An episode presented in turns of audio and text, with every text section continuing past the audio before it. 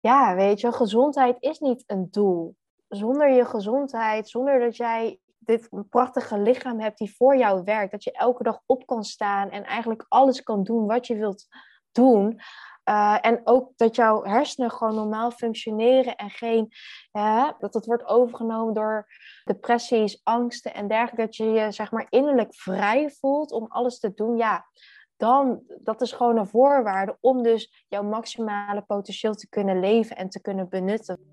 Hey, wat fijn dat je luistert naar de Liefdesbrigade podcast. Mijn naam is Jasmin Lindenburg. Ik ben holistisch therapeut en oprichter van de Liefdesbrigade. En ik ben hier om jou te begeleiden op het pad van verbinding.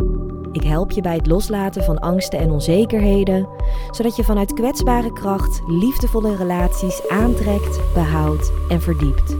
Een nieuw tijdperk is aangebroken waarin we belemmerende overtuigingen over onszelf en liefde loslaten, zodat we wezenlijk kunnen verbinden met sterke rug en zachte voorkant als een ras-echte liefdesbrigadier.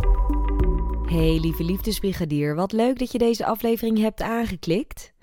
Dit keer weer een gesprek voor jou met een inspirerende gast, Teli Hu van Conscious Moody. En zij is neuropsycholoog en Ayurvedisch therapeut. En ze helpt vrouwen met zelfacceptatie, innerlijke rust en krachtig in lichaam en geest kunnen leven. En in dit gesprek hebben we het over verschillende onderwerpen, waaronder natuurlijk zelfliefde, hoe Teli's eigen reis daarin is geweest. Uiteraard spreekt ze ook over Ayurveda en hoe Ayurveda heeft geholpen om haar eigen natuur, om zichzelf beter te begrijpen. We hebben het over holistische gezondheid. Daarna spreken we ook nog over onze gedeelde achtergrond als psycholoog. En als jij merkt dat je momenteel veel vastzit in je hoofd en dat je het vertrouwen een beetje bent kwijtgeraakt, dan heeft Teli een hele praktische tip voor jou. Teli is eigenaar van haar holistisch centrum Conscious Moody. Ze is psycholoog, therapeut en daarnaast is zij vandaag de gast als liefdesbrigadier. Wat betekent zelfliefde voor jou? Zelfliefde voor mij betekent dat ik uh, alle kanten van mezelf kan omarmen. Dus zowel de licht, lichtheid, maar ook de, de donkere kant van mezelf. Dat ik uh, ja, van alle kanten van mezelf dus kan omarmen, kan liefhebben, kan zien en uh, ja, aandacht daarvoor kan hebben. En hoe gaat dat zo bij jou, dat proces van zelfliefde? dat is een uh, heel proces. En elke keer als je denkt, joh, ik uh, ken mezelf, dan uh, ga je weer een, een laagje dieper, als het ware. Dus het is een ongoing process, die eigenlijk dus nooit stopt.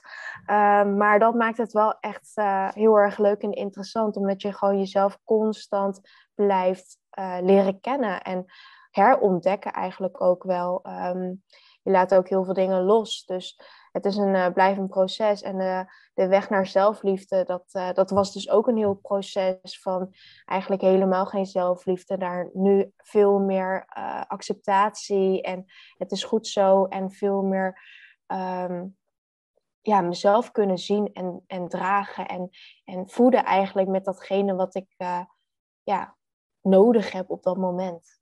Ja, want om even helderheid daarover te scheppen, van welk punt kwam je?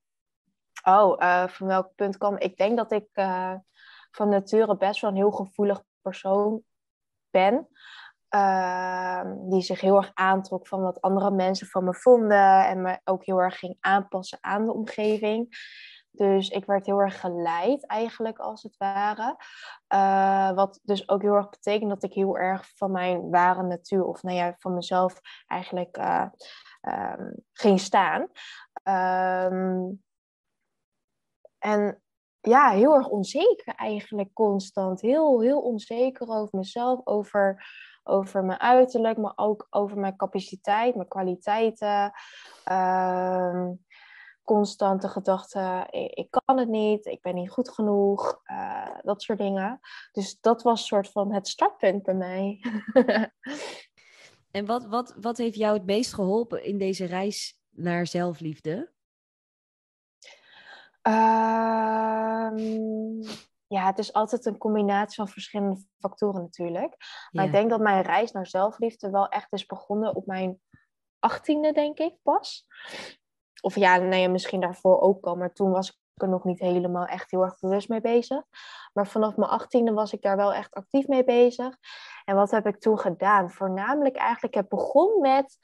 Ehm, ik heb uh, psychologie gestudeerd. En op een gegeven moment had ik het vak Health Medical Psychology. En toen hadden we op een gegeven moment een les in ademhalingsoefeningen. En ik dacht, wat? Kan je met ademhaling, kan je pijn verminderen? Wie gelooft dat nou, weet je? Als je zo'n pijn hebt, wat zal een ademhaling nou doen, dacht ik. Dus ik zat daar in die les, ik dacht echt, het zal wel. Ik was heel erg destijds, was ik die zwart-wit denker, van het is dit of het is dat. Nou ja, totdat ik thuis lag en ik had al heel vaak buikkrampen omdat ik uh, ja, chronische darmproblemen had eigenlijk. Dus ik had wel eens van die krampen die zo heftig waren dat ik gewoon ook wel eens flauw viel. En dit keer had ik dus weer zo'n kramp en ik lag in bed. En ik, woon, ik woonde toen op mezelf. Dat was de eerste keer dat ik uit huis ging. Dus de eerste keer uit huis op mezelf. En ouders waren niet in de buurt. Er was eigenlijk niemand in de buurt die iets kon betekenen. En ik dacht, ja, wat moet ik nu gaan doen? En toen dacht ik, hé, hey, die ademhalingsoefening, ik moet wel. En dus uit wanhoop soort van toch maar geprobeerd, toegepast, gefocust op mijn ademhaling. En het was echt een miracle dat ik echt dacht, wow, mindblowing. Het werkt wel. En toen dacht ik, wow, this shit is real. En toen ben ik eigenlijk me echt gaan verdiepen in al dat vage, zeg maar, die, meer die holistische benadering, meer die spirituele benadering misschien ook wel. Wat niet echt zo zwart-wit is. En, en uh, nou ja, nu inmiddels is er hartstikke veel onderzoek gedaan naar ademhaling. Dus hè, het is gewoon wetenschappelijk bewezen dat het allemaal uh, werkt.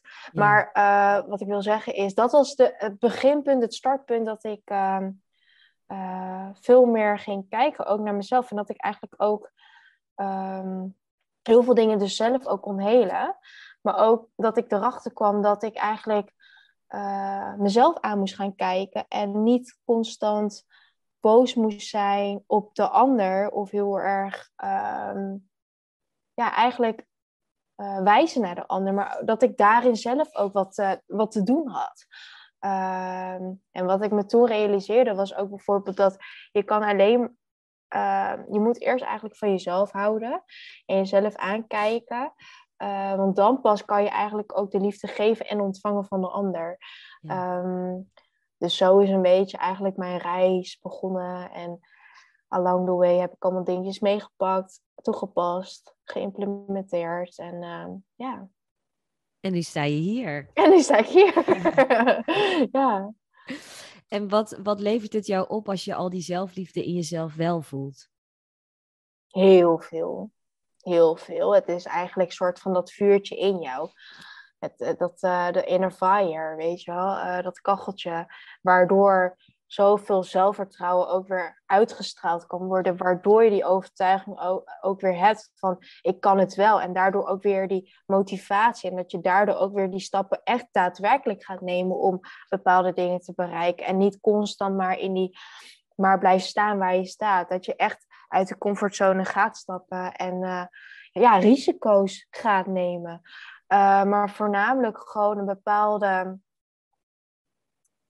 uh, gronding ook wel. Een bepaalde verankering in je lichaam. Dat, dat je ook weet van ook al maak je een fout, ook al maak je een misstap, ook al ga je zogenaamd falen. Um, dat je weet van ik, ik kan mezelf weer op, omhoog hijsen als het ware. Omdat ik geloof in mezelf, in, in mijn lichaam. En ja, dat is dat vuurtje in mij die, uh, die blijft uh, aan. Uh, dat je gewoon dat vertrouwen hebt in jezelf. Ja. ja, en ik vind het mooi dat je dat zegt van het gronden in je lichaam en je lichaam voelen en in je lichaam zijn. Ja. Want voor mij is het tegenovergestelde van zelfliefde is zelfafwijzing. En dan zit je eigenlijk compleet ja. in je hoofd. En dan probeer je echt heel erg die oh, controle ja. vast te houden. En dan leef je echt in die box, weet je wel. Mm. Terwijl als je zelfliefde gaat ontwikkelen, dan ga je veel meer zakken in je lichaam en ga je veel meer contact maken met je hart. Mooi. En wat heeft jou daarbij dan geholpen dat je meer kon zakken in je lijf en meer die innerlijke gronding kon voelen? Ja, ondertussen heb ik natuurlijk al zoveel dingen gedaan. Dus ja, wat is het dan? Het is ook nooit één ding natuurlijk, hè? Mm-hmm. Ja, wat ik al, wat je net ook heel erg mooi zei, van heel veel mensen zitten inderdaad in hun hoofd. En dan kan je het concept zelfliefde misschien wel begrijpen, maar je kan het pas echt voelen en ervaren als het inderdaad pas zakt in het lichaam. En iemand zei ook wel heel mooi van, je moet eigenlijk al die kamertjes boven in je hersenen openen, want je snapt het wel, zeg maar in je brein, maar je moet ze gaan openen zodat het ook bam, zo bam in het lichaam kan zakken, naar beneden kan vallen. En dan pas wordt het echt gewoon ja, toegepast en geïmplementeerd eigenlijk in je zijn. Maar ja, wat heb ik daarvoor gedaan? Ja, uh, wat niet eigenlijk? Ja, echt superveel. Heel veel. Voornamelijk voelen, durven voelen. Dat. Niet wegrennen. Stilstaan bij je emoties. Uh, ook, ook bij je nare emoties. Um, ja, eigenlijk comfortabel voelen in het oncomfortabele. Um, en die dan aan te kijken eigenlijk. En ja, een stilte meditatie heeft mij bijvoorbeeld daarbij geholpen. Een één uur durende stilte meditatie. Nou ja, ademhaling dus. De, de, de, de trilling in je stembanding, die je dan ook weer hoort met je oren. Ja, en Ayurveda uiteraard. Ja, daar was ik al benieuwd naar, ja. Ja, ja. Ja want vertel, hoe, hoe, heeft, hoe draagt dat eraan bij? Ja, ook wel heel veel. Want ik, uh, Ayurveda is heel breed natuurlijk. Hè? En ja.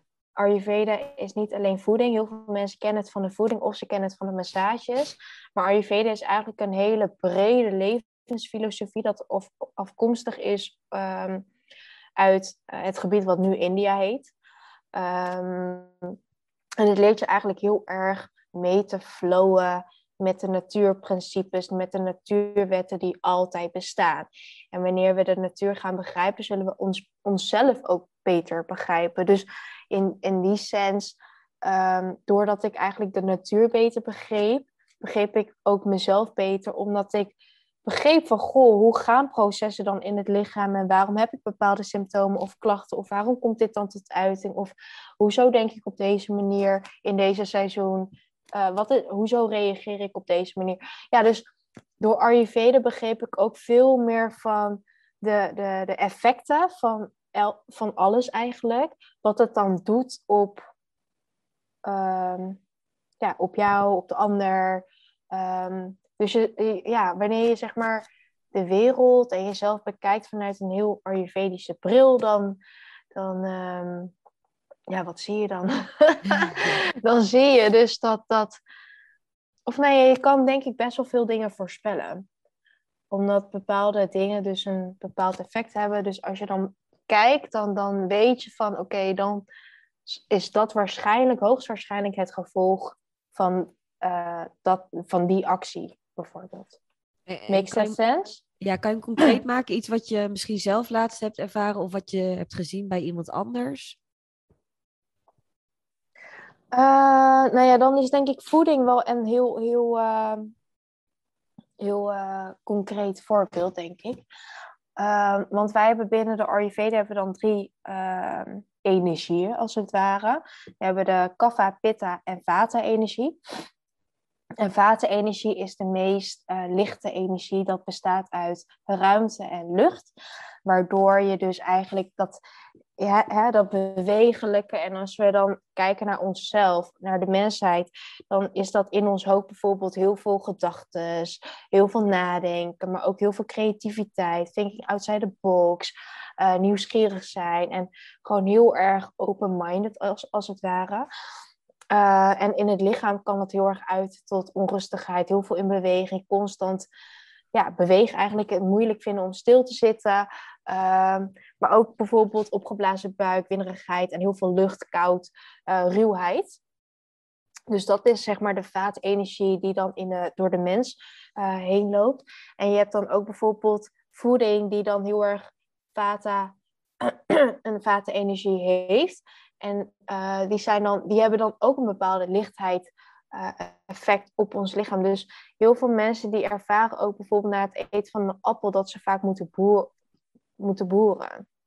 En dat is best wel interessant, omdat je zou denken dat een appel best wel zwaar is in gewicht en best wel massief, zeg maar. Maar hoe je dit heel mooi kan testen is als je een bak water hebt en dan gooi je al die voedingsproducten erin, dan zul je merken, zul je zien dat die appel blijft drijven. En dat betekent dus dat die appel eigenlijk van, uh, van nature een hele lichte kwaliteit heeft. En dat, heeft, dat is dan precies eigenlijk ook het effect op het lichaam.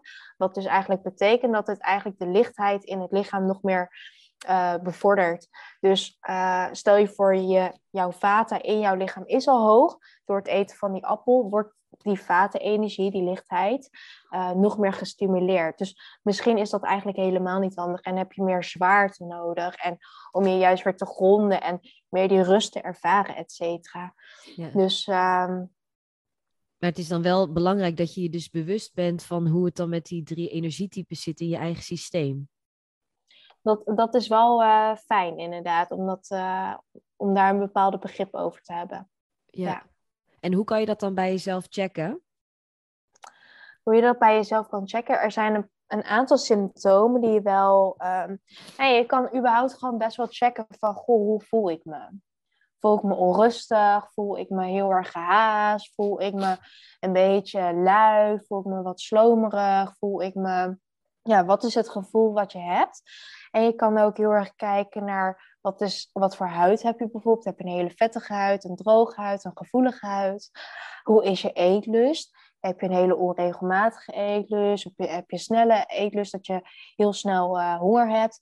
Of echt een hele, dat je bijna nooit trek hebt en eigenlijk uh, ja, heel vaak ook vergeten eten. Uh, en hoe reageert jouw darmen en je hele spijsvertering daarop? Weet je wel? Van, verteer je dingen ook best wel snel. Dus oftewel ga, moet je vaak naar de wc van de ontlasting. Uh, of, of merk je van, goh, uh, mijn ontlasting is best wel traag en best wel slijmerig. Klinkt heel nasty. Maar als je kijkt naar je ontlasting, kan je daar ook zoveel informatie uithalen. Zeg maar, even na het poepen eigenlijk even achterom kijken. En je poepie eigenlijk inspecteren, onderzoeken van heb ik eigenlijk een gezonde drol? Of um, zijn er ook best wel veel dingen die onverteerd eigenlijk soort van achter um, erin zitten? En, en zakt die heel snel naar de bodem? Of blijft die een beetje drijven? Is die een beetje vettig? Zit er een beetje slijm aan? Is die rood? Welke kleur heeft het? Nou, dat geeft zoveel informatie over je gezondheid, als het ware. Dus er zijn best wel veel dingetjes die je soort van kan checken om, uh, om te zien van, goh, um, welke energie is nu dominant bij mij op dit moment? Want het kan ook heel erg verschillen uh, door de fase heen. Want een kind, adolescent, puber, volwassenen, die gaan ook door verschillende fasen heen. En je energie verandert daarin mee. Net zoals dat elk seizoen weer zo zijn eigen energie heeft. Dus het is heel dynamisch.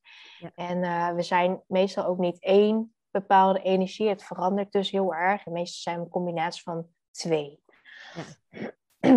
Ja, dat herinner ik me ook nog wel van toen ik bij jou een consult had. Dan moet ik even heel hard nadenken wat ook weer mijn types waren. Maar het waren er inderdaad twee, dat weet ik nog wel. Ja. Uh, en het is wel heel bijzonder dat je daar dan dus invloed op kan uitoefenen. Door middel van bijvoorbeeld voedsel. Maar het is eigenlijk ook heel logisch, want alles is natuurlijk energie. En alles staat met elkaar in verbinding. Dus alles heeft ook invloed op elkaar. Ja, precies. Ja, ja. klopt. Ja. En je noemde net al die gezondheid, hè? Dat uh, dat dat heel belangrijk is. En toen las ik op jouw site: gezondheid is niet een doel, maar een voorwaarde om jouw maximale potentieel te kunnen leven. Ja. Vertel, wat bedoel jij daarmee?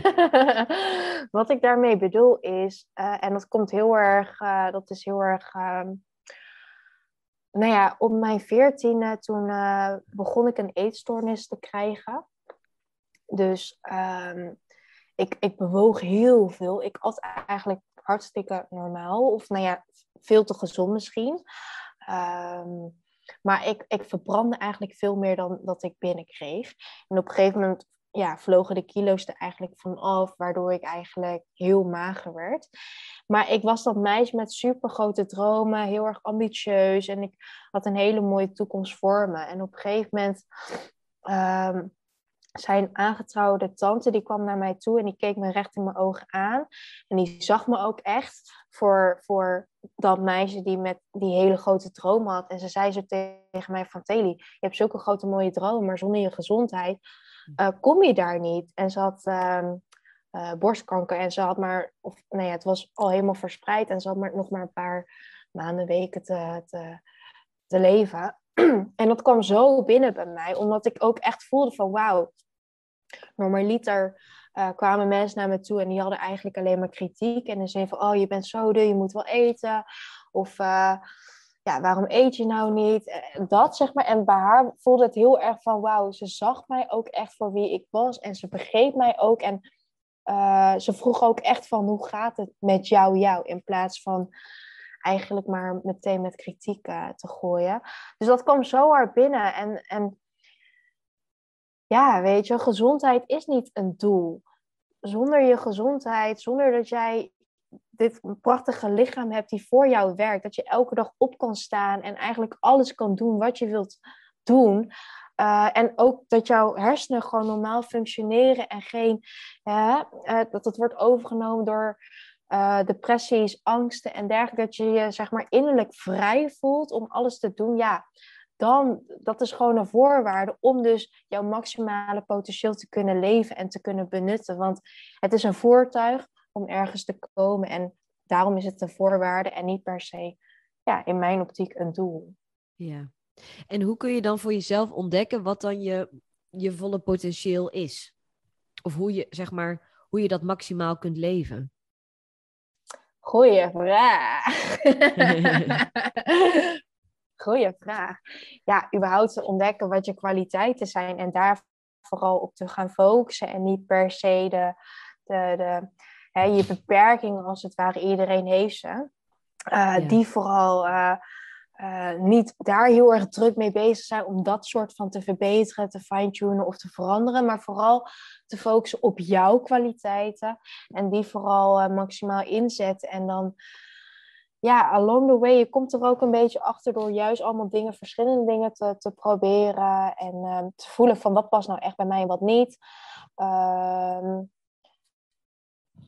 en ik denk dat dat vooral het belangrijkste is, omdat we heel vaak soort van geleefd worden door wat papa en mama wou van ons, wat school van ons wou, uh, wat vrienden doen. We kijken heel erg naar, oké, wat doet de rest, wat verwacht de rest van mij? In plaats van te voelen van, maar wat wil ik en waar ga ik aan op? En wat geeft mij joy en plezier? En waar liggen mijn passies eigenlijk en wat wil ik gaan doen?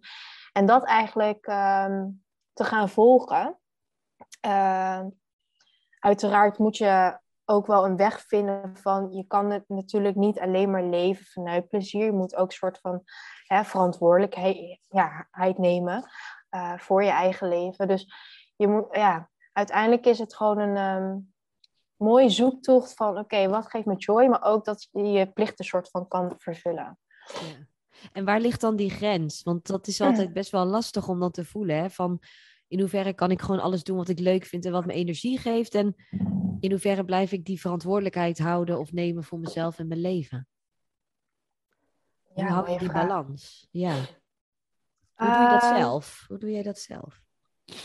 Nou, ik heb het geluk gehad dat ik uiteindelijk um, iets heb gevonden waar ik gewoon enorm veel joy uit haal.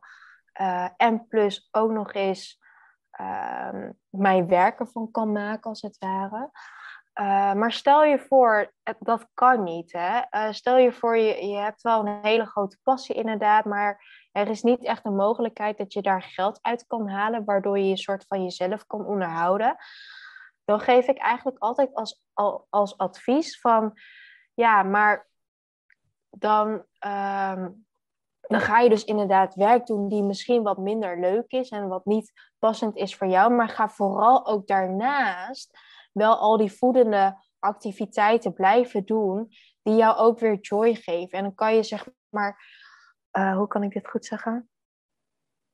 Um, dan, dan dient jouw werk, wat niet zo fijn is, wel voor het hogere doel uh, die jou weer heel veel joy geeft.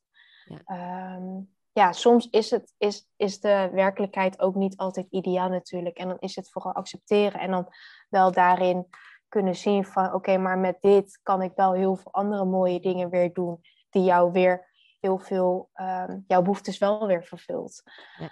ja ja, dan komt die vrijheid eigenlijk weer omhoog, als, hè, waar je het ook eerder over had. Van oké, misschien zit je dan wel vast in een vierkantje. Dat is gewoon een vierkant, maar je hebt zelf wel de vrijheid om daarin een cirkel of een hartje te tekenen. Ja, ja, mooi. En dan blijf je ook niet richten op, oh, ik zit vast in de vierkant, oh, ik zit vast in de vierkant.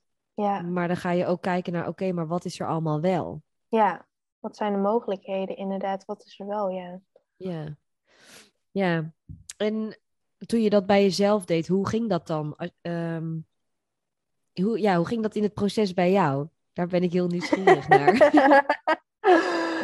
nou, ik was als kind was ik een heel creatief, uitbundig, vrolijk meisje. Uh, die heel erg hield van dansen.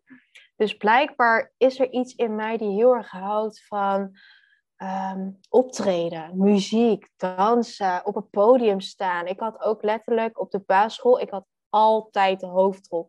Altijd, elke keer, ik had de hoofdrol. Ik vond het geweldig gewoon om in die spotlights te staan, denk ik.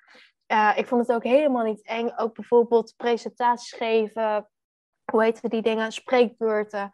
Vond ik ook hartstikke leuk, totaal niet eng. Dus ergens is, zit er iets in mij dat ik soort van presenteren en ja, voor, voor een groep staan of zo heel erg leuk vind.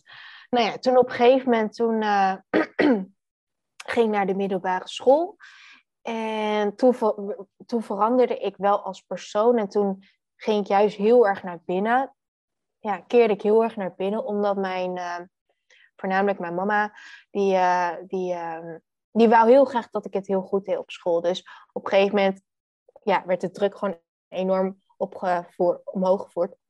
Om uh, me te focussen op school en dergelijke. Dus dat sociale verviel eigenlijk een beetje. Ik had ook heel weinig sociale activiteiten. En ik, ja, al mijn tijd ging eigenlijk naar studeren, huiswerk maken en goede cijfers halen. Uh, maar toen kwam wel de fascinatie van psychologie naar boven. Dat ik dacht van wauw. Want iemand zei tegen mij een keer van als je door de supermarkt loopt uh, dan word je eigenlijk al een soort van gemanipuleerd door het, ja, door het licht, de paden die je bewandelt, waardoor je veel meer koopgedrag gaat vertonen. Toen dacht ik, wow, dat is zo fascinerend. We worden gewoon dagelijks gewoon gemanipuleerd, zonder dat we mhm. het misschien doorhebben. Dus ik dacht, wow, psychologie is zo interessant, hoe het brein werkt, waarom we reageren wat we, hoe we reageren, waarom we doen wat we doen. Dus daar kwam mijn fascinatie van psychologie vandaan.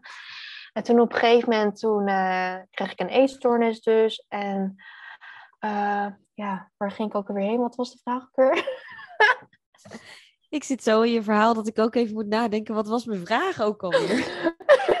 hoe, dat, hoe dat bij mij is gegaan. Ja. dat hele proces, inderdaad. Ja, ja en toen... Um, nou ja, door psychologie dacht ik wel van... Oké, dat wil ik dus gaan studeren. Um, uh, want dat vind ik heel erg interessant, het brein. En toen kwam ook wel een soort van de fascinaties door, ik denk, denk ik, mijn persoonlijke challenges, hè, door, door de eetstoornis, door, door de dingen die ik zelf gewoon had meegemaakt. En, en vooral ook zag in mijn omgeving, dat ik dacht van wauw, hoe mooi is het als, als, je, als je een bepaalde bijdrage kan leveren aan de maatschappij, aan de mensheid. En ook vooral, ehm, ja, hoe mooi is het als je iemand anders kan helpen. Um, dus dat dus. En toen op een gegeven moment ehm, eh, ja, was mijn visie, of nou ja, mijn doel voornamelijk, om neuropsycholoog te worden. Uh, maar op een gegeven moment kwam ik er heel erg achter dat dat niet datgene was wat mij eigenlijk heel erg gelukkig maakte. Omdat ik erachter kwam dat dat eigenlijk een bepaalde. Uh, wat ik dacht oh, dan maak ik mijn moeder eigenlijk heel erg gelukkig. Ehm, dus daarom wou ik het heel graag, dacht ik. Maar eigenlijk in, in, in de essentie was dat niet datgene wat dus voor mij was. En op een gegeven moment, na mijn master neuropsychologie, toen kwam ik er eigenlijk achter dat ik een hele andere kant op wou gaan en meer de holistische kant op en ook meer de verbinding tussen lichaam en geest, omdat ik dat ook weer onderweg heel erg had gemist in mijn uh, opleiding en dergelijke. Um, dus toen was ik daar heel erg op zoek naar gegaan van goh, ik zou het zo fijn vinden als we meer vanuit een holistische benadering naar klachten kunnen kijken en ook de rol van voeding mee kunnen nemen, want dat is iets wat we dagelijks doen. En hoe, hoe, hoe, goed is het als we met kleine dingetjes al een grote impact kunnen maken. En toen kwam ook de fascinatie van, vandaan van wauw, hoe mooi zou het zijn als we niet klachtgericht gaan werken, maar eigenlijk meer preventief. Omdat ik dat ook in mijn persoonlijke uh, ervaringen heel, had heel erg had gemist. Ik liep tegen bepaalde dingen aan en ik wist gewoon niet waar ik een soort van hulp moest zoeken. En toen verlangde ik eigenlijk heel erg al naar een plek waar er heel erg gefocust werd op uh, preventief, hoe zeg je dat? Voorkomen. en, en toen had ik ook al het idee van hoe, hoe chill zou het zijn om een sportschool te hebben die niet alleen is voor het lichaam, maar ook voor het brein dus en ook voor je ziel. Dat je daar gewoon een soort van abonnement kan sluiten. Net zoals dat je naar een normale sportschool gaat om een soort van je lichaam te onderhouden. Maar dan ook voor je brein en ook voor je ziel. Je ziel is je passie en je, je joy, zeg maar, je vreugde. Dat je soort van constant ge, ge, gestimuleerd wordt en uh, geprikkeld wordt om uh, daarop te focussen. Um, en ook allemaal dingen te leren die we normaliter nooit op school hebben geleerd. Hoe mooi zou dat zijn om, om zo'n plek te creëren? Want ik had het zelf heel erg gemist. Dus daar komt die hele visie vandaan. En zo is uh, Conscious Moody eigenlijk ontstaan. En uh, ja, dus hoe is dat pad gegaan en wat heb ik toen vervolgens gedaan? Heel lang antwoord op jouw vraag. Maar ik denk eigenlijk gewoon vooral voelen van, van, van um, wat jij dus heel erg graag wilt, ongeacht wat de ander wil, uh, daar zeker voor te gaan, maar je niet vast te pinnen op het einddoel. Uh, de wegen wel open te, te laten voor andere dingetjes. Um, dus eigenlijk meer een soort van een richting bepalen, maar hoe het eruit ziet, eigenlijk open te houden. En eigenlijk vooral de dingetjes die je dus heel erg leuk vindt en je kwaliteiten, die eigenlijk op een een of andere manier te kunnen combineren met elkaar. Um, zodat je heel erg duidelijk ook voor jezelf hebt van in welke positie, in welke functie uh, wil ik het liefst staan, zeg maar. Ja. En dat vooral uit te voeren. Ja, en ik, ik denk dat die zeker ook zit in het uitvoeren en dan gewoon kijken hoe dat uitpakt. Want soms moet je eerst even een paar functies uh, doen. en ontdek je er daardoor pas door van, oh, dit past eigenlijk helemaal niet bij me. Of dit is het juist helemaal wel, want ik ga hier zo van aan. Ja, hier wil zeker. ik meer van. Ja, ja. ja. En vaak is het zo dat mensen het dan zo spannend vinden om iets nieuws te beginnen, want dan voelt het misschien weer als falen. Of um, oké, okay, uh, ik weet niet zo goed waar ik naartoe ga. Hoe hou ik dat vertrouwen vast? Wat, wat zou je tegen tegen zo iemand zeggen die, die daar gewoon heel erg nog in vastzit? Uh, Eigenlijk heel erg in het eh. hoofd dus, heel erg in het hoofd vastzit en niet luisteren naar wat, wat zegt mijn lichaam? Welke wijsheid zit er in mijn lichaam? Wat zegt mijn hart? Ik denk dat het sowieso altijd heel erg verstandig is en heel erg fijn is voor jezelf om een soort van een bewustwording te creëren rondom uh, datgene waar je zo bang voor bent. Dus eigenlijk je gedachten onder de loep nemen van, goh, wat denk ik nou eigenlijk? En zijn deze gedachten helpend of niet? Ehm, en waar komen ze vandaan? Uh, en dat begint eigenlijk überhaupt met stilstaan. Dus journalen is iets wat ik heel vaak aanraad, omdat bij journalen uh, vertraag je al, omdat je al dingen moet gaan opschrijven. En dan vervolgens kan je het ook nog terug gaan lezen. Dus je kan je eigen gedachten nog een keer uh, zien. in plaats van dat het zo snel heen en weer gaat natuurlijk. Dus je hebt er al veel meer grip op.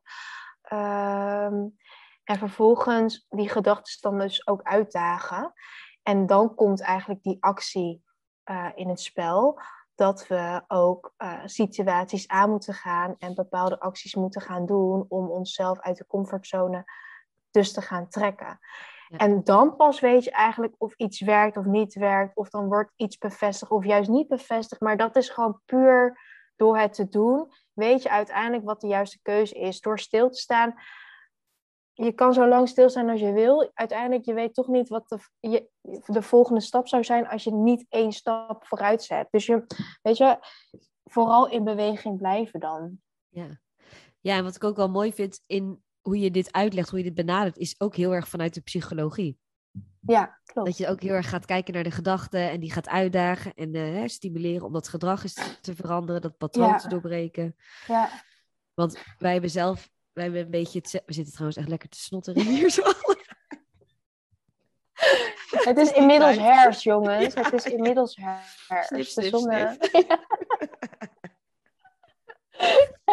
Probeer het zo min mogelijk te doen, maar dat, dat, dat kan niet. Dat kan niet. gelukkig ben ik niet de enige. En doe jij gelukkig hartstikke goed mee. Ja. We doen het samen. We doen, we het, doen samen. ja. maar um, we hebben eigenlijk heel erg een vergelijkbare route afgelegd. Want ik ben ook van origine psycholoog. Ik dan klinische psychologie. En ik zag dat ook helemaal voor me van, nou ja, dat is natuurlijk dan wat je doet. Hè? Dat is het eindstation. En ik ontdekte ook, ik mis heel erg die verbinding met het lichaam. Ik mis heel erg de verbinding met gevoel, met je hart, met je ziel, met je energie. Ja. Dus toen ben ik me ook gaan omscholen tot, nou ja, nu dan holistisch psycholoog. Ja. Maar ik blijf wel heel erg geloven in de psychologie. Ik ook. ja. Ik ben ook hartstikke blij dat ik het heb gedaan. En uh, echt met vol trots uh, draag ik het nog steeds, zeg maar. Uh, ik wijs het ook zeker niet af. En ik, ook daarin heb ik gewoon super mooie dingetjes geleerd, uh, die ik ook weer heb toegepast in mezelf. En ja, het zijn toch gewoon echt hele handige tools. Dus weet je, het is ook totaal niet iets. Um, op een gegeven moment, toen, toen ik dus, hè, wat jij zei, van dat je dan um, van het normale pad eigenlijk, meer de westerse kijk, dan gaat afwijken en dan meer naar de holistische kant op gaat, dan heb je natuurlijk, of nee, nou ik had dat vooral heel veel mensen in mijn omgeving die, die dan dachten van, oh, dus dan vind jij het westerse dus, dus helemaal fout en je bent heel erg tegen alles wat ze doen. Terwijl ik denk, nee, dat is het helemaal niet. Uh, ze doen echt super mooie dingen. Ze doen het ook super goed. Alleen er zijn ook wel zeker beperkingen. En die probeer ik vooral aan te vullen met datgene dat dan meer vanuit de holistische kant komt. Dus ze vullen elkaar eigenlijk hartstikke mooi aan. En zo wil ik het eigenlijk ook zien. Allebei hebben hun beperkingen eigenlijk als het ware. En hoe mooi is het als we hierbij ook weer de krachten van elk eigenlijk weer vooral kunnen benutten. En uh, ja, de beperking zo min mogelijk. Ja, ja zeker. licht uh, van elk, ja. Ja. Ja, ik zit even gewoon hardop na te denken van hoe zou het dan komen dat er dan toch vaak zoveel weerstand is hier in het Westen Mhm. tegen mensen die dan dus toch een ander pad gaan bewandelen. In dit geval meer de Oosterse filosofie ook willen meenemen in hun werk of in hun levensstijl. Hmm. Maar waar zou die weerstand toch vandaan komen? Ja, ik zie gelukkig wel een steeds meer een verschuiving. Ook uh, bij psychologen, bij behandelaren, dat ze veel meer mindfulness ook weer toepassen. Je hebt bijvoorbeeld nu ook ACT, weet je, Acceptance uh, Theory. Ehm, en dat ze ook meditaties toevoegen. Dus dat is wel echt een hele mooie ontwikkeling. En dat ze ook yoga bijvoorbeeld wel echt zien als een uh, mooie oefening om, uh, om, om in het lichaam te komen. Dus je ziet die verandering wel. Maar dat gaat zo langzaam. Ja, ja. En het heeft gewoon jaren nodig voordat er eindelijk iets van het holistische, iets wat echt al duizenden jaren bekend is, ja. uh, toch wordt toegepast in het, in het, uh, hier in het Westen, in een moderne um, ja, science als het ware. Um, ja, en hoe, hoe dat komt. Men wil toch graag dat dingen worden onderzocht, uh, wetenschappelijk worden uh, onderbouwd. En enerzijds is dat hartstikke goed, want je gaat natuurlijk niet klakkeloos dingen aannemen. En uh, je wilt inderdaad wel een bepaalde theoretische kader, een referentiekader waarom je bepaalde dingen doet. Maar wie zegt dat wetenschap de waarheid is? Dat, het is ook weer zo afhankelijk van, oké, weet je, daar zitten ook weer zoveel factoren aan verbonden die niet helemaal altijd kloppen. Um, nou ja, zoals hè, wat, wat voor populatie gebruiken ze, voornamelijk man of vrouw, wie testen ze überhaupt, wat is de leeftijdscategorieën en, en zoveel meer dingetjes. Ja. Dus hè, um, ja, het is maar één theorie, zo, zo zie ik het dan, ja. zeg maar, um, de wetenschap. ja, ik, ik weet het niet, wat, wat, wat denk jij? Waarom er zoveel ja. weerstand is of waarom het dus zo traag gaat? Ik, terwijl jij dit allemaal zit te vertellen, zit ik ondertussen ook een beetje bij mezelf. Nou, het ga je, wat, wat, wat is eigenlijk mijn eigen antwoord op mijn vraag? maar ik kan gewoon zo in me op. Maar ja.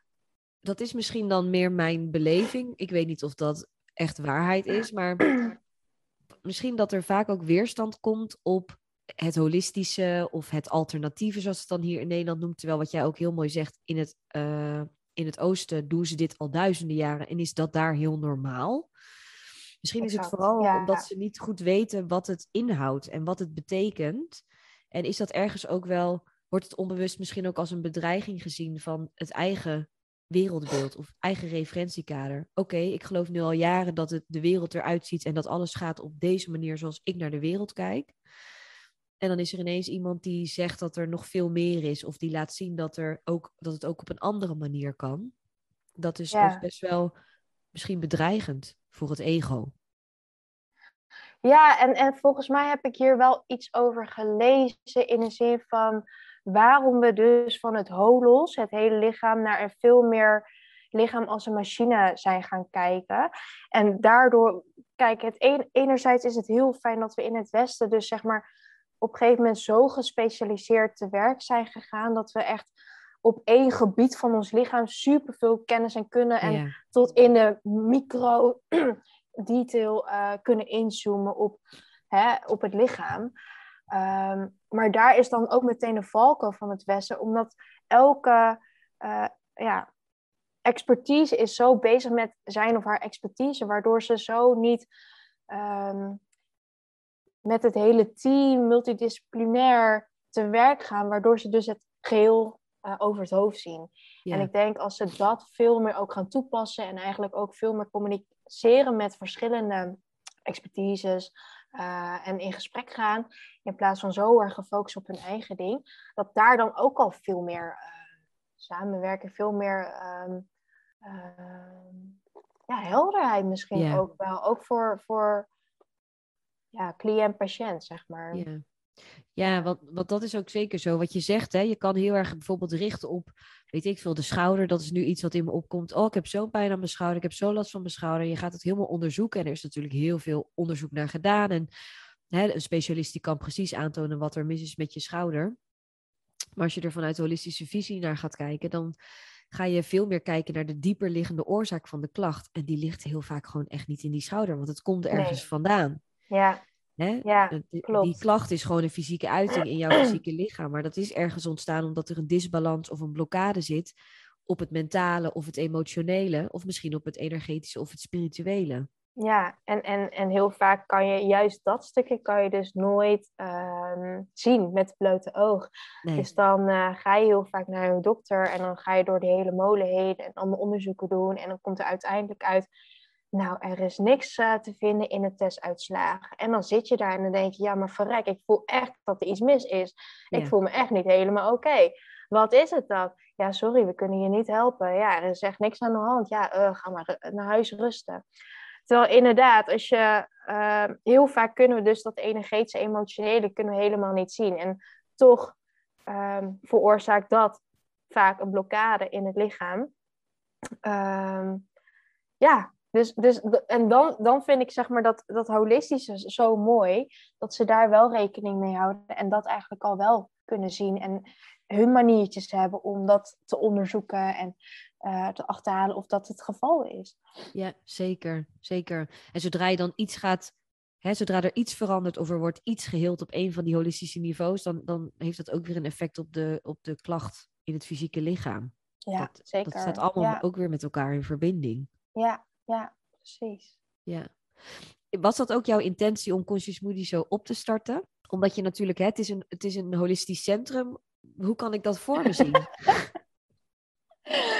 uh, hoe ik het voor me zie is dat ik uh, dus inderdaad een heel uh, wellnesscenter heb in een prachtige natuurgebied.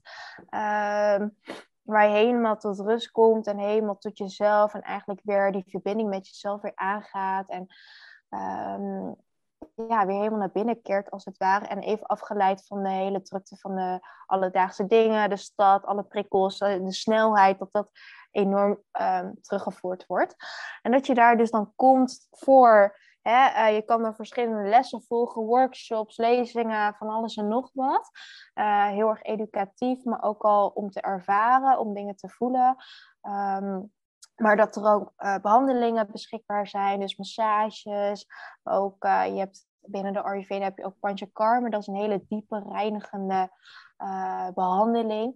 Die ook heel veel, wat wij zeggen, amen. En dat, is, dat zijn afvalstoffen in het lichaam.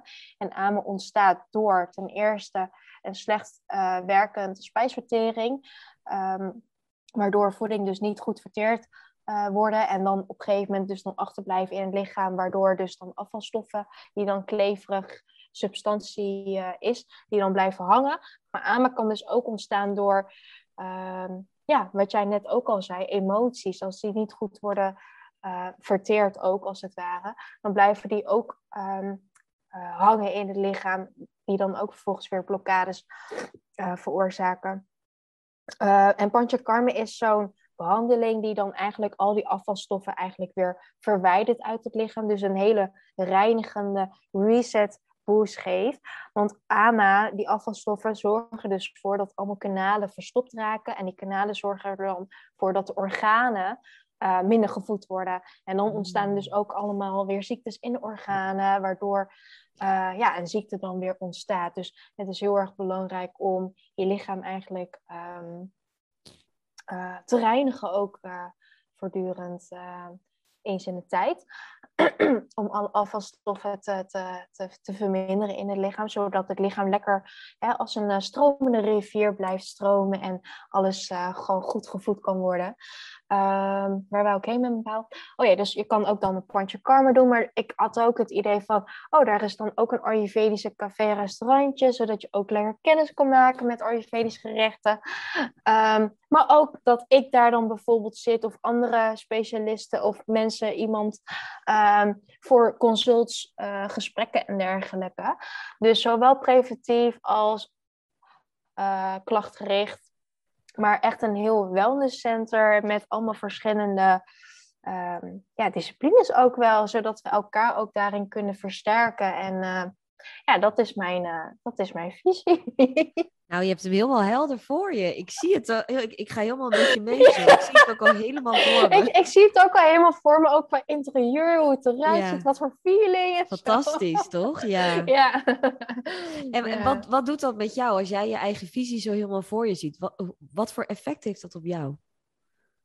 Ja, ik word er heel erg gelukkig van. En het grappige is, is ook van alles wat ik heb gevisualiseerd, alles waarvan ik heb ja, eigenlijk letterlijk alles wat ik heb gevisualiseerd is uitgekomen. Dus dan kan je ook wel een soort van. Bij mij is dus echt de kracht van manifesteren is dan echt daarbij bevestigd. Omdat alles wat ik soort van zie en visualiseer, komt ook echt daadwerkelijk uit. En, en grap was ook bijvoorbeeld. Ik heb nu een fysieke locatie hier in Utrecht, waar ik al ben begonnen met mijn uh, wellness center. het, is, mhm. het is uiteraard nog niet datgene wat ik voor ogen heb, maar ik ben al wel bezig. Maar hoe bijzonder is dat? Want ik had nooit gedacht dat ik nu al bijvoorbeeld een fysieke locatie zou hebben. Dat ik nu al bezig zou zijn met de dingetjes die ik wou gaan doen. En zo merk je ook weer van als jouw richting helder is, als je visie helder is, um, dan, dan, ga je, dan, komen die stappen wel. Dan, dan komt die, komen die kansen ook echt op je pad. Dan ga je er ook heel erg voor openstaan. Dan ga je ook die mogelijkheden zien. Dan ga je ook de mensen aantrekken die jou weer verder kunnen helpen. Omdat je gewoon heel erg weet van, goh, dit is mijn richting, hier wil ik heen. En dus die in de kompas ook wel een soort van, um, ja, heel erg duidelijk volgt. Ja. Ja, en dan vooral is het ook belangrijk om open te blijven staan voor al die personen of die signalen of die uitnodigingen. Want soms heb je helemaal niet door dat dat er net eentje was die net zo langskwam, weet je wel? Ja, ja precies. Ja, klopt. Ja. Ja, dus wat, wat heb je nog meer dan uh, gemanifesteerd van uh, wat je hebt gevisualiseerd in je leven, naast die mooie ruimte? Ja, en dit is dan misschien eentje die, die uh, waar ik later stil bij stond en ik dacht, ik denk dat ik deze ook wel eigenlijk heb gemanifesteerd. Want, en dit is niet een hele leuke manifestatie, maar ik denk dat ik het zelf heb veroorzaakt.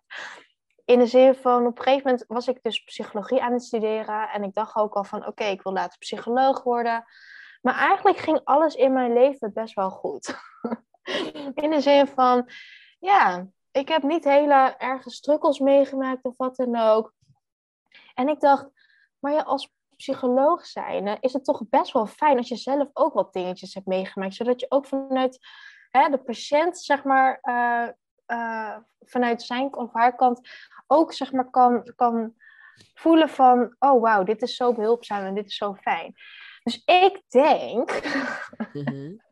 dat ik mijn val heb gemanifesteerd. Ik ben op 2018, we leven nu in 2022, uh, ben ik gevallen op mijn gezicht. Nadat ik echt flauw viel van de chronische, ja, van die kramp. Uh, en toen ben ik flauw gevallen, ben ik helemaal KO gegaan, hersenschudding en al. En op een gegeven moment werd ik wakker met een hele diepe snee in mijn wang. En uh, ja, dat, dat, heeft, dat was eigenlijk een soort van de katalysator van, van, van het rest van het verhaal. Want daardoor ben ik ook zo erg veranderd als persoon. Ben ik weer helemaal naar binnen gekeerd. Ben ik heb, heb ik mijn hele identiteit weer helemaal uh, opnieuw uh, opgebouwd, als het ware. Uh, dus zo'n nare event heeft ook weer heel veel mooie positieve dingen gegeven. Maar ik denk dus, hè, als we het hebben over manifesteren, dat ook dat soort dingen ja. jezelf dus echt kan manifesteren. Ja. ja. En, En, en dat is ook natuurlijk hè, de gedachte die je hebt. Je, je trekt echt die vibratie aan. Ja. ja, de gedachten zijn zo krachtig, dat laat dit voorbeeld inderdaad echt zien. Ja, ja. En vaak zijn we er zo niet bewust van dat alles wat we eigenlijk ervaren in het leven, of wat we aantrekken, dat, dat dat inderdaad iets is van de vibratie die je dus zelf al in je hebt, die je al zelf hebt Juist. uitgezonden. Ja, ja, precies. Ja. ja. En is dat iets waar je ook dan nu ook bewust mee bezig bent? Of met dat manifesteren, met het visualiseren? Of komt het zo af en toe in je bewustzijn voorbij en dan denk je er weer aan en dan ga je even lekker zitten, visualiseren? Of probeer je echt jezelf daar steeds bewust van te zijn? Oké, welke gedachten heb ik nu? In hoeverre zit ik op een hogere vibratie of juist een lagere? Ja, ik ben van nature ben ik een heel erg uh, een persoon, een denker. Dus ik kan heel veel dingen. Ik ben gewoon van nature analyseren ik best wel veel en ik doe ook heel veel zelfreflecties. Dus wat ik heel vaak doe is dan loop ik of dan ben ik iets aan het doen en dan vraag ik mezelf eigenlijk al de vraag van, oh, ik ben best wel benieuwd waarom ik dit zo heb gedaan of waarom ik dit zo denk. En dan ga ik weer helemaal terug van, oké, waar komt dit dan vandaan? Maar gewoon vanuit een hele nieuwsgierige, compassievolle manier, gewoon onderzoeken waarom ik doe wat ik doe, waarom ik denk wat ik doe, denk. En dan laat ik het ook weer liggen. Dus ik ben niet hè, op zoek, obsessief op zoek naar een antwoord. Maar ik, ik stel mezelf gewoon de vraag, I wonder why. Na, na, na, na. Mm. En dan ga ik zo nadenken. En dan, oké, nou, mogelijk is dit zeg maar waarom ik dat zo heb gedaan. Maar mogelijk ook niet. En dan ga ik weer door. En doordat ik dat eigenlijk constant aan het doen ben, ga je jezelf eigenlijk daardoor ook veel beter begrijpen. En, en daardoor, omdat je dus al zo bewust bent over... Uh, bepaalde gedachten, wat voor impact dat heeft, kan je jezelf daarop ook weer gewoon herinneren van wauw, oké, wat is de impact dus van deze gedachte, van deze trilling die ik wil uitzenden? En dat je eigenlijk dus alles kan, soort van, kan beïnvloeden met, met datgene wat je wilt uitzenden. Wat, je, uh, wat je uitstraalt. Ja, mooi. We kunnen alles aantrekken wat we willen, maar dus ook wat we niet willen. Mm -hmm. En dat is een mooie, hè? I wonder why. Dat, dat is ook best wel luchtig, niet te zwaar, niet te diep, maar gewoon vanuit een open nieuwsgierigheid. Ja, ik ben eigenlijk wel benieuwd hoe dat zit. En dan laat je het ook weer los. Ja, exact. Ja. Zit er ook geen gehechtheid aan? Nee, precies. Ja, mooi. Ja. Ik ga die eens meenemen in mijn dagelijks leven. I wonder why. ja. Nou, dan gaan we gewoon lekker richting de afronding toe. Jij had natuurlijk aan het begin verteld hè, dat voor jou zelfliefde betekent dat je al die delen in jezelf aankijkt en dat je die kan omarmen, dat je die kan accepteren in jezelf. Ja. En is mijn laatste vraag voor jou: hoe verspreid jij liefde? Oeh, hoe verspreid ik liefde? Ja, dat doe ik denk ik met uh, in de kleinste handelingen. Dus gewoon letterlijk een glimlach. Uh, iemand echt aankijken in de ogen. Een vraag stellen, hoe gaat het echt met je? Nou ja, dat soort dingen. Echt die verbinding aangaan met de ander.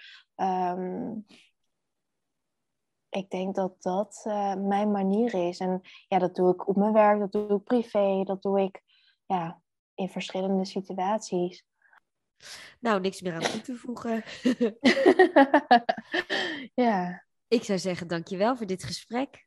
Ja, jij bedankt. Ik hoop dat het voor de luisteraar ook een beetje duidelijk is. En zo niet. dan, dan weet je me te vinden, denk ik. Ja, ja nou dat is, dat is inderdaad wel mooi. Dan, neem lekker inderdaad contact met je op. Via, wat is voor jou een handig kanaal? Uh, mijn kanaal is gewoon Conscious Moody. Conscious van bewust. C-O-N-S-C-I-O-U-S. En Moody is M-U-D-I. Uh, en precies dezelfde website, dus www.consciousmoody.nl. Maar het meest handige uh, kanaal is denk ik wel inderdaad Instagram. Uh, daar ben ik het makkelijkst bereikbaar. Ben jij er klaar voor om vanuit kwetsbare kracht liefdevolle relaties aan te trekken en te verdiepen? En ben je benieuwd hoe ik jou hierbij kan helpen in mijn holistische praktijk?